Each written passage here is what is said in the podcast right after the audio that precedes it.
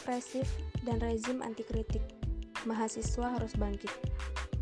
Viral, beredar sebuah video kekerasan yang dilakukan aparat kepolisian saat mengamankan demo mahasiswa di Pemkap Tangerang, Banten, Rabu 13 Oktober 2021. Insiden polisi membanting mahasiswa hingga kejang-kejang dan pingsan, sontak mendapat kecaman publik. Masyarakat tak hanya menuntut tersangka diberi sanksi tegas, tetapi juga meminta Kapolresta Tangerang mundur dari jabatannya.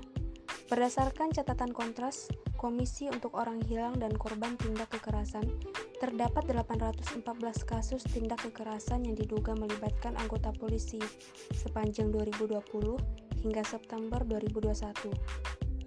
Hal tersebut menunjukkan bahwa rezim ini anti kritik, meski unjuk rasa dilakukan secara damai seperti yang terjadi di UNS, sikap rezim tetap represif.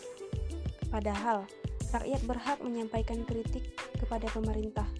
Para penguasa bisa memimpin negeri ini juga karena rakyat bersedia memberi mereka kekuasaan. Artinya, rakyat turut peduli pada kondisi negara yang tidak baik-baik saja.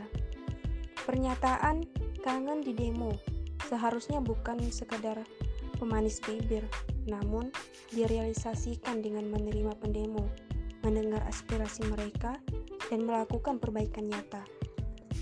Padahal, katanya demokrasi itu pemerintahan dari, oleh, dan untuk rakyat.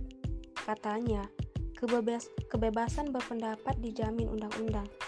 Tetapi kok rakyat demo malah ditangkapi? Padahal, rakyat melakukan demonstrasi karena saluran resmi sudah tak berfungsi. Syukurlah ada mahasiswa yang masih peduli pada kondisi negeri. Pada saat wakil rakyat mendadak buta dan tuli. Syukurlah para mahasiswa masih mau bersuara Meski terbelit UKT yang tak murah dan tekanan ekonomi yang kian berat. Demikianlah seharusnya sikap para mahasiswa.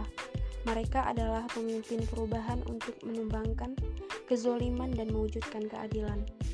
Perubahan yang diinginkan mahasiswa tak akan terwujud dalam kondisi saat ini, yaitu demokrasi. Yang ada justru demokrasi melenggangkan kezoliman demi kezoliman. Perubahan kondisi negeri hanya akan terwujud dengan perubahan sistem dari demokrasi kapitalisme menjadi Islam. Inilah proyek perubahan yang harus diperjuangkan para mahasiswa. Wahai para mahasiswa, jadilah pejuang Islam. Penuhilah hadis Nabi Muhammad Wasallam yang artinya tujuh golongan yang Allah naungi di hari yang tak ada naungan melainkan naungan darinya, yaitu pemimpin yang adil, pemuda yang tumbuh dalam ketaatan kepada Tuhannya. Hadis riwayat Bukhari dan Muslim.